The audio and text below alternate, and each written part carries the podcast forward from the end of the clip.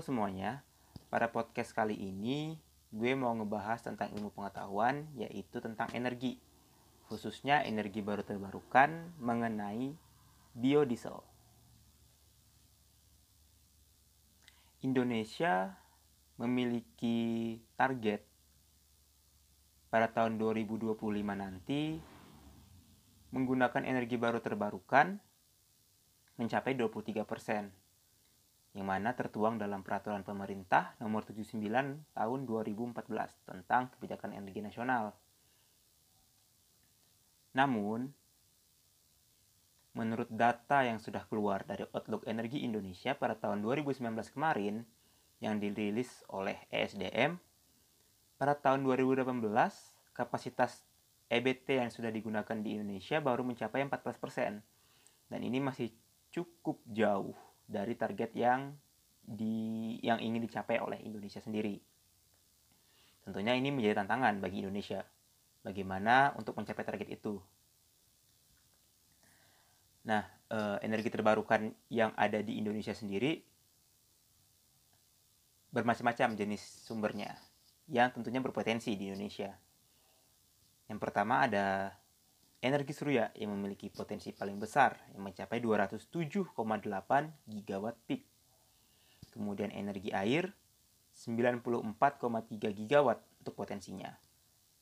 Yang ketiga, ada energi angin sebesar 60,6 gigawatt. Kemudian ada bioenergi yang mana dibagi dua, yaitu pembangkit listrik tenaga bio 32,6 gigawatt dan bahan bakar nabati 200.000 barrel per hour. Sumber energi baru terbarukan lainnya ada panas bumi yang mencapai yang potensinya mencapai 28,5 gigawatt dan energi laut yang potensinya mencapai 17,9 gigawatt. Nah, salah satu cara pemerintah untuk menggenjot pemanfaatan energi terbarukan ini adalah dengan meningkatkan produksi bahan bakar cair yang diperoleh dari bahan nabati. Dalam hal ini adalah minyak kelapa sawit, yang mana memanfaatkan crude palm oil atau CPO agar menjadi bahan bakar cair yang biasa disebut juga dengan biodiesel. Nah, proses untuk membuat biodiesel sendiri adalah menggunakan reaksi metanolisis atau transesterifikasi dengan metanol, yaitu reaksi antara minyak nabati dalam hal ini adalah minyak kelapa sawit dengan metanol dibantu dengan katalis basa yang berupa NaOH, KOH, atau sodium methylate untuk menghasilkan campuran ester metil asam lemak dengan produk ikutan gliserol. Nah, jadi minyak kelapa sawit itu e, memasuki tahap persiapan yaitu direaksikan dengan katalis metanol. Kemudian e, terjadi proses esterifikasi dan atau transesterifikasi. Nah, setelah tahap ini masuk ke tahap pencucian, kemudian tahap pengeringan hingga menghasilkan produk akhir berupa biodiesel. Namun juga dapat e, menghasilkan produk samping yaitu berupa gliserin. Tentunya dengan proses yang berbeda. Tetapi biodiesel minyak kelapa sawit ini terdapat rintangan atau tantangannya. Yaitu salah satunya datang dari Eropa yang melarang pemakaian sawit Indonesia. Tentunya ini menjadi hambatan Indonesia untuk mengekspor biodiesel kelapa sawitnya. Nah, kenapa Eropa melarang pemakaian sawit? Hal ini karena menurut mereka emisi karbon dari biodiesel sawit itu tiga kali lebih besar dari energi fosil. Yang kedua, Uni Eropa pernah keliru soal biodiesel sawit mereka awalnya beranggapan bahwa biodiesel dari sawit itu merupakan sesuatu yang ramah lingkungan. Tetapi e, mereka melihat atau menurut mereka proses untuk pembukaan lahan sawit ini menggunakan proses yang tidak sustainable, yaitu Contohnya ada oknum yang membakar hutan untuk membuka lahannya, sehingga hal itu dapat meningkatkan karbon dioksida yang lebih banyak daripada energi fosil menurut mereka, sehingga tidak menjadi sesuatu yang sustainable lagi untuk biodiesel dari sawit. Kemudian menurut mereka, sertifikasi perkebunan sawit itu tidak menjamin keberlanjutan. Selanjutnya, mereka juga beranggapan bahwa industri sawit dikelilingi banyak masalah sosial. Contohnya, kesejahteraan buruh sawit yang rendah menurut mereka.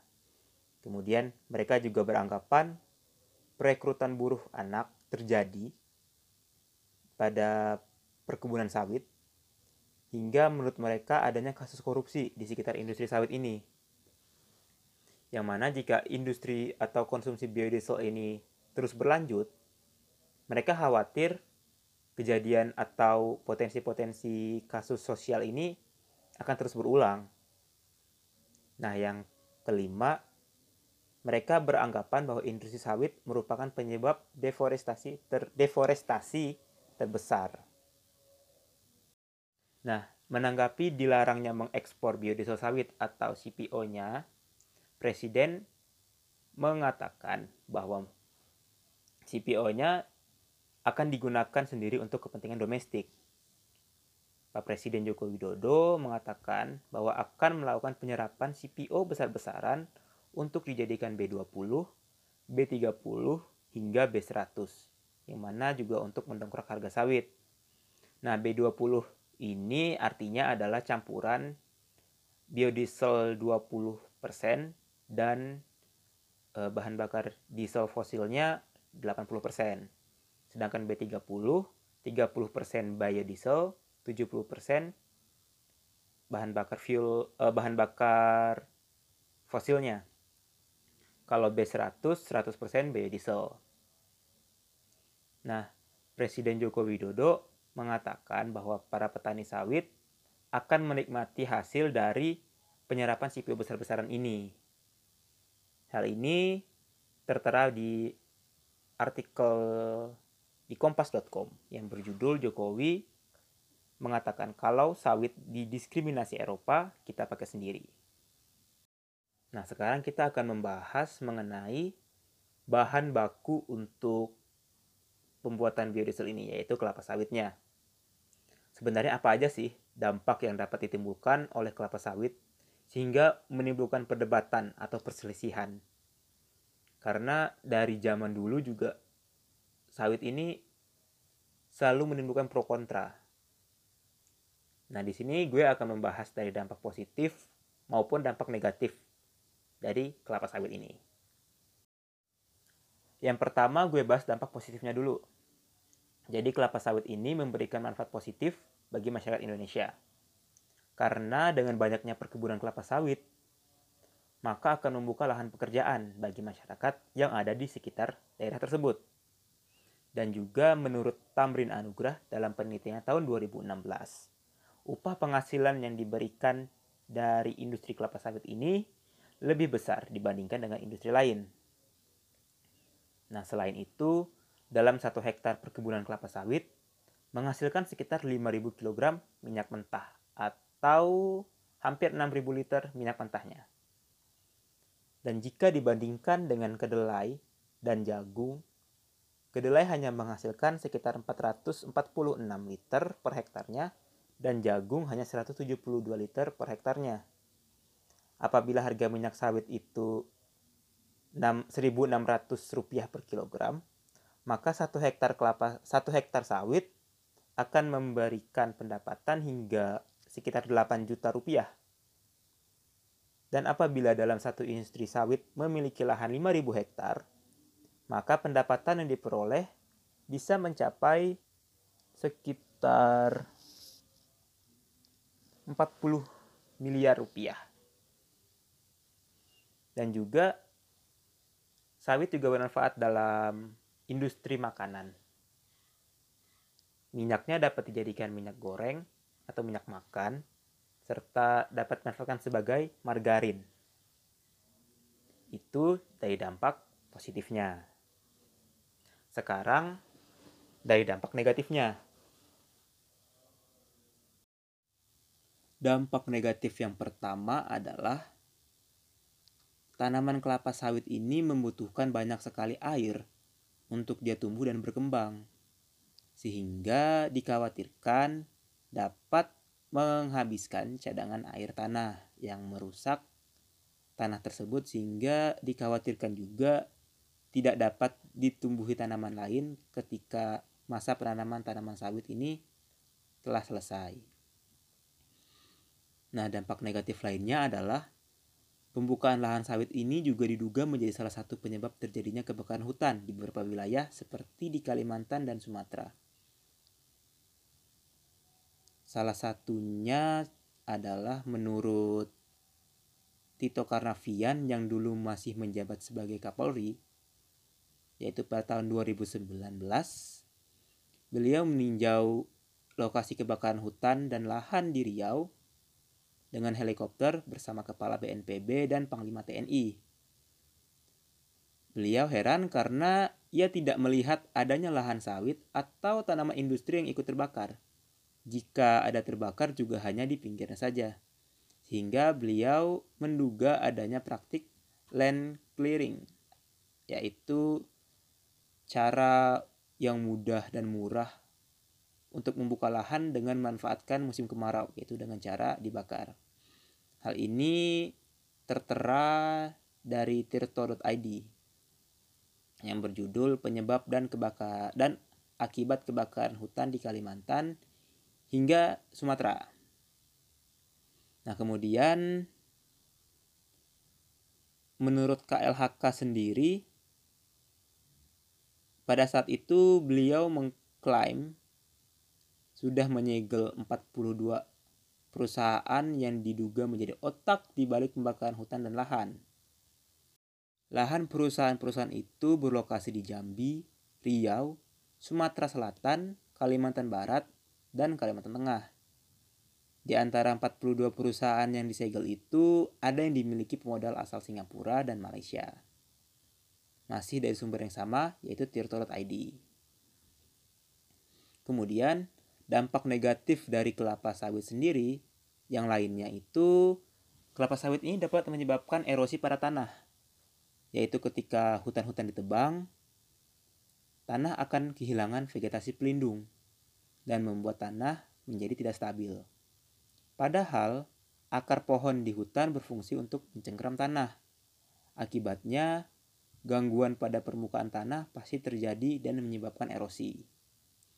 Bila dibiarkan, tanah akan rusak dan bisa longsor sewaktu-waktu. Tanah pun menjadi kurang subur, menjadi tandus, rapuh, dan kehilangan nutrisi. Dan apabila tanah tersapu ke aliran air, maka akan menyebabkan sedimentasi dan pendangkalan sungai. Erosi tanah juga dapat menyebabkan kehancuran habitat akuatik dan mempengaruhi ekosistem perairan. Hal ini tertera di idntimes.com yang berjudul Bahaya Kelapa Sawit untuk Lingkungan. Kelapa sawit juga memberikan dampak terhadap satwa. Salah satunya adalah orang utan. Orang utan dianggap sebagai hama, sehingga tak jarang ada oknum yang melakukan penembakan terhadap orang utan. Dan tidak hanya orang utan saja sebenarnya, tetapi banyak juga hewan-hewan lain yang memiliki habitat asli di hutan itu yang kemudian habitatnya diubah menjadi lahan perkebunan sawit. Hal ini tertera di news.detik.com yang berjudul Hutan jadi industri perkebunan, orang hutan pun dianggap hama. Lantas, bagaimanakah solusinya? Nah, menurut opini gue, untuk mengatasi dampak negatif tersebut, yang pertama adalah dengan menindak tegas para oknum yang membuka lahan sawit dengan cara yang tidak sustainable dan hanya membuka lahan di lokasi yang memang digunakan untuk perkebunan. Misalnya tidak menggunakan hutan lindung, jadi menggunakan membuka lahan di tempat yang sudah disepakati bersama dan tidak sesuatu yang tidak ilegal dan membuka lahannya tidak dengan dibakar. Kemudian Eh, beberapa perusahaan juga tidak boleh menganggap hewan-hewan asli daerah tersebut sebagai hama karena mau bagaimanapun juga mereka masih beranggapan bahwa lahan yang diubah menjadi kelapa sawit itu merupakan habitat asli mereka, tempat mereka mencari makan. Jadi mungkin harus ada antisipasi atau mungkin penyediaan entah itu makanan atau tidak mengganggu mereka intinya. Nah, eh, bagaimana agar kita dapat tetap menggunakan biodiesel tapi bahannya lain, tidak menggunakan sawit? Ada tanaman-tanaman alternatif lain yang dapat menghasilkan minyak nabati. Salah satunya adalah biji nyamplung. Biji nyamplung sendiri memproduksi minyak sekitar 4.500.000 liter per hektar dan ini lebih banyak daripada minyak kelapa sawit. Nah, hal ini tertera pada penelitian yang dilakukan oleh Suryono pada tahun 2017. Nah, eh, pada penelitiannya sendiri biji nyamplung ini menghasilkan angka dari setana dan alkyl ester yang telah memenuhi standar SNI. Densitas dari minyak biji nyamplung ini juga sudah mendekati standar standar SNI atau standar nasional Indonesia. Namun angka asam yang dihasilkannya belum memenuhi standar sehingga perlu dilakukan research lagi untuk penyempurnaan dari proses sintesis biodiesel melalui diversifikasi jumlah tahapan esterifikasi, alternatif jenis dan kadar katalisator, ataupun optimalisasi suhu reaksi transesterifikasinya. Nah, eh, menurut opini gue juga untuk menggenjot tadi kan menghasilkan biodiesel selain menggunakan sawit. Nah, sekarang bagaimana untuk merealisasikan 23% energi terbarukan pada tahun 2025 itu dengan menggunakan energi terbarukan lain. Jadi tidak hanya di biofuel yang berupa biodiesel ini. Dan salah satu beberapa di antaranya penggunaan uh, solar panel yang digunakan di atap-atap rumah mungkin. Dan sekarang sudah mulai banyak peminatnya. Dan beberapa provinsi di Indonesia juga mewajibkan adanya penggunaan energi yang sustainable. Salah satunya di Bali peraturannya ada dan juga Jawa Tengah juga sudah mulai gencar tentang sustainable. Selanjutnya memanfaatkan air yang ada sebagai sumber energi listrik, bisa entah sebagai mikrohidro, mini hidro atau skala besar mungkin skala besar agak mahal sih kalau menurut gue. Ya mungkin hanya mikro hidro mungkin bisa digunakan untuk di wilayah-wilayah desa. Dan menurut gue sih it, jika hal itu dilakukan dengan baik itu dapat merealisasikan 23% energi terbarukan itu. Dan juga tentunya akan benar-benar ramah lingkungan dan aman dari segala konflik pro kontra seperti sawit ini. Di sini gue tidak mengatakan bahwa sawit itu salah, tetapi ada oknum yang menyebabkan uh, sawit itu terlihat jelek gitu loh. Seperti tadi yang pembakaran lahan dan uh, penembakan-penembakan terhadap hewan yang dianggap hama. Jadi kalau misalnya dampak negatif itu dapat diminimalisir bahkan dihilangkan, tentunya sawit sangat berpotensi sekali di Indonesia. Dan itu menurut pendapat gue. Nah itulah sedikit dari gue mengenai energi terbarukan. Dalam hal ini gue fokusnya di biodiesel dari minyak sawit dan membahas tentang dampak negatif dan positif dari minyak sawitnya. Semoga dapat berguna. Uh, Terima kasih. Sampai jumpa di podcast gue berikutnya. thank you